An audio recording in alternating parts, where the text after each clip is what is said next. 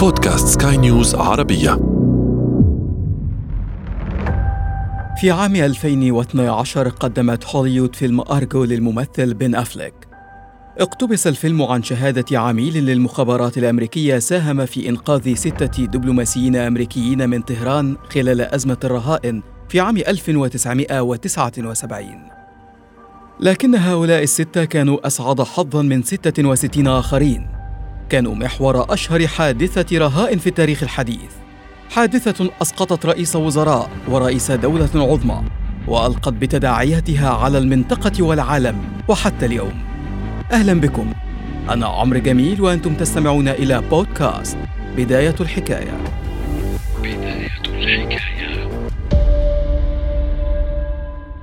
في العاشرة من صباح الرابع من نوفمبر 1979 هاجم متظاهرون إيرانيون السفارة الأمريكية في طهران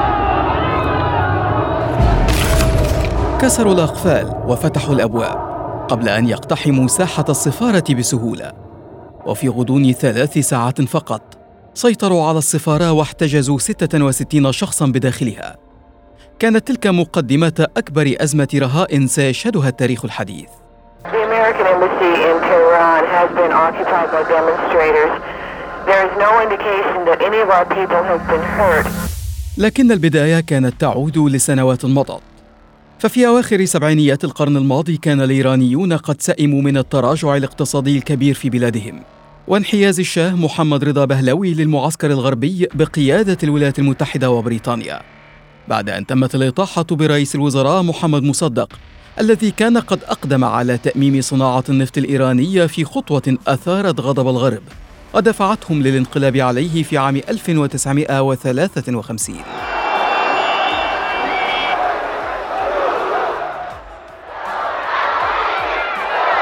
A new and more turbulent era for Iran had begun. The reign of Mohammad Reza Pahlavi, the man who ruled Iran through four decades, came to an end. وفي السادس عشر من يناير 1979 أرغم الشاه على مغادرة إيران تحت وطأة احتجاجات شعبية ومظاهرات عارمة. لم ينقضي أكثر من أسبوعين حتى عاد الخميني من منفاه ليقود الثورة في إيران. وبرغم العلاقات القوية للشاه مع المعسكر الغربي لكنه كان قد تحول لورقة محروقة. حاول اللجوء إلى دول في أوروبا لكنها رفضته حاول مع المكسيك وبنما وتم رفضه أيضا. ظل الرجل لاجئا متنقلا إلى أن وافقت الولايات المتحدة على دخوله لأراضيها في التاسع عشر من أكتوبر مع إعلانها أن ذلك بسبب وضعه الصحي.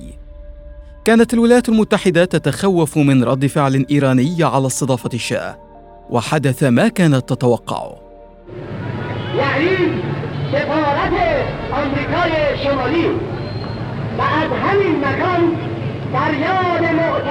أثار القرار الأمريكي باستضافة الشاه غضب مؤيد الخميني في إيران. اعتبروا أن الولايات المتحدة تسعى لانقلاب جديد على ثورتهم على غرار الانقلاب الذي أطاح بمصدق.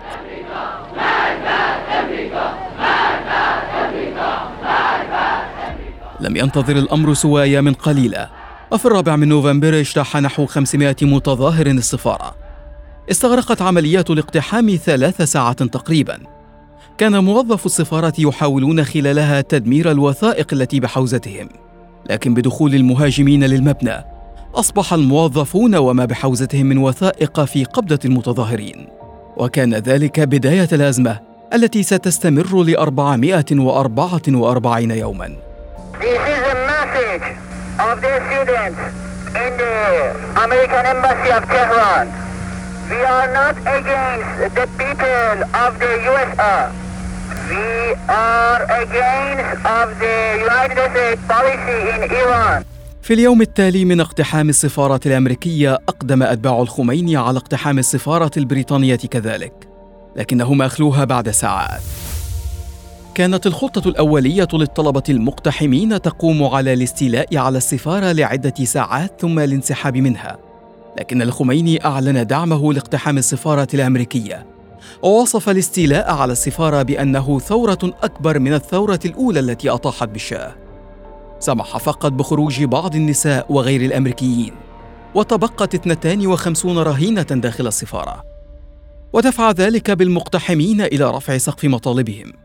لم تعد مطالبهم تقف عند تسليم أمريكا للشاه لمحاكمته في إيران. وإنما طالبوا بأن تعتذر واشنطن عن دورها في الإطاحة بمحمد مصدق في الخمسينيات والإفراج عن كل الأصول الإيرانية في الولايات المتحدة. وكان اقتحام السفارة مخالفا لكل الأعراف الدبلوماسية وحتى القوانين الدولية.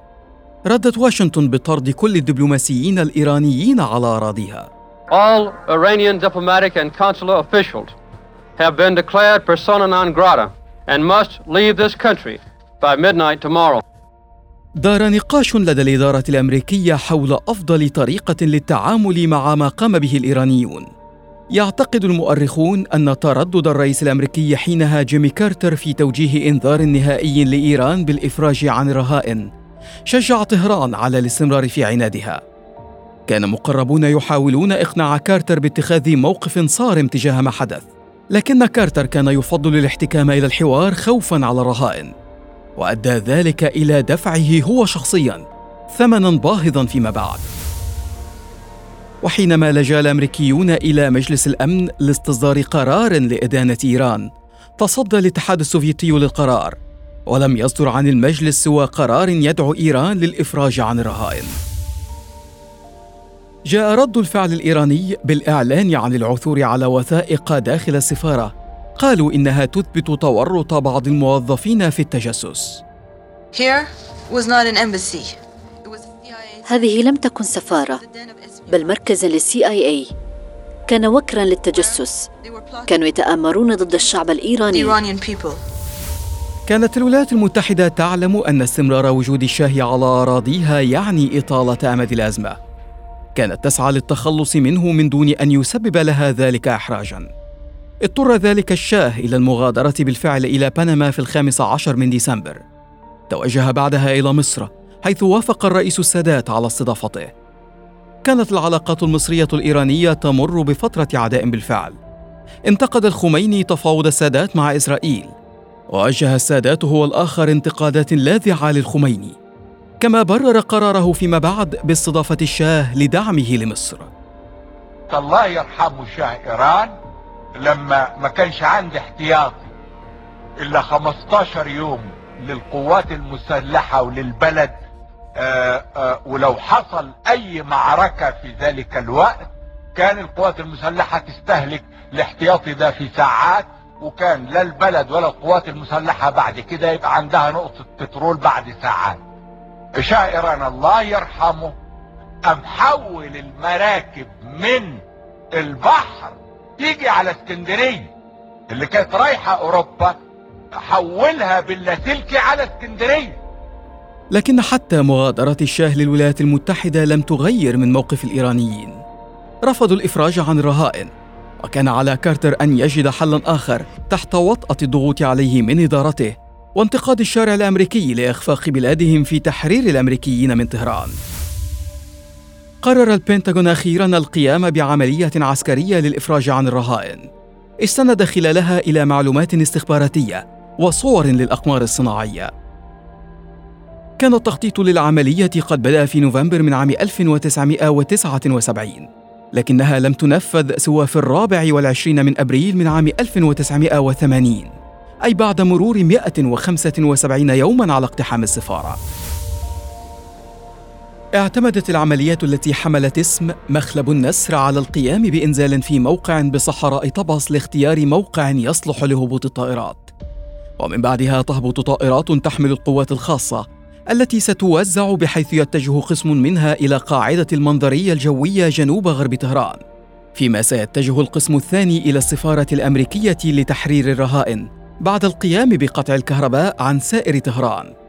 في وقت ستحلق فيه مقاتلات أمريكية في الأجواء الإيرانية لمنع تدخل سلاح الجو الإيراني وتدمير أي هدف يتقدم تجاه السفارة. لكن العملية التي كان يفترض لها أن تنقذ الرهائن انتهت بكارثة. نجح عناصر الكوماندس في النزول بالفعل في الصحراء الإيرانية لكنهم فوجئوا بمرور شاحنة إيرانية محملة بالوقود في مكان تمركزهم. أدى ذلك لاستهدافهم للشاحنة التي يعتقد أنها كانت لمهرب نفط. لكن ضرب القوات الأمريكية للشاحنة بصاروخ أدى لانفجارها بما تحمله من نفط. محولة ظلام الصحراء الدامس إلى نهار ما أدى لانكشاف موقعهم.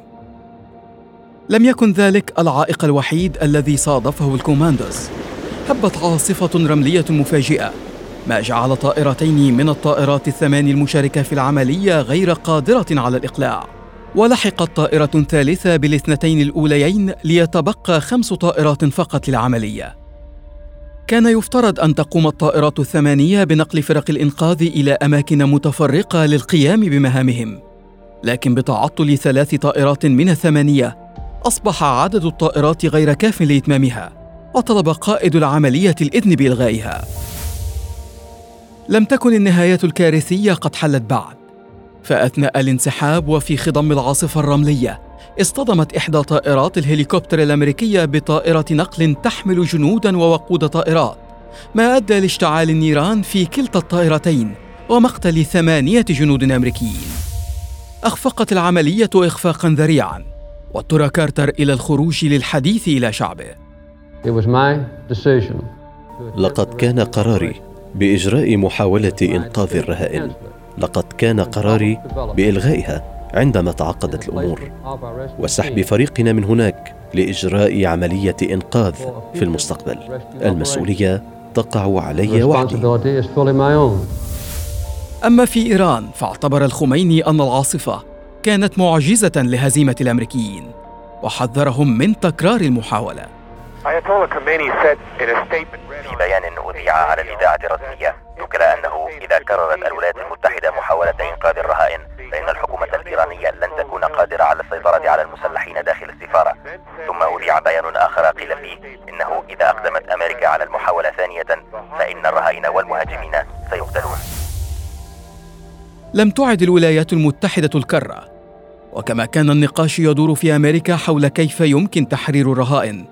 كان نقاش مماثل يدور في إيران حول كيفية إنهاء الأزمة.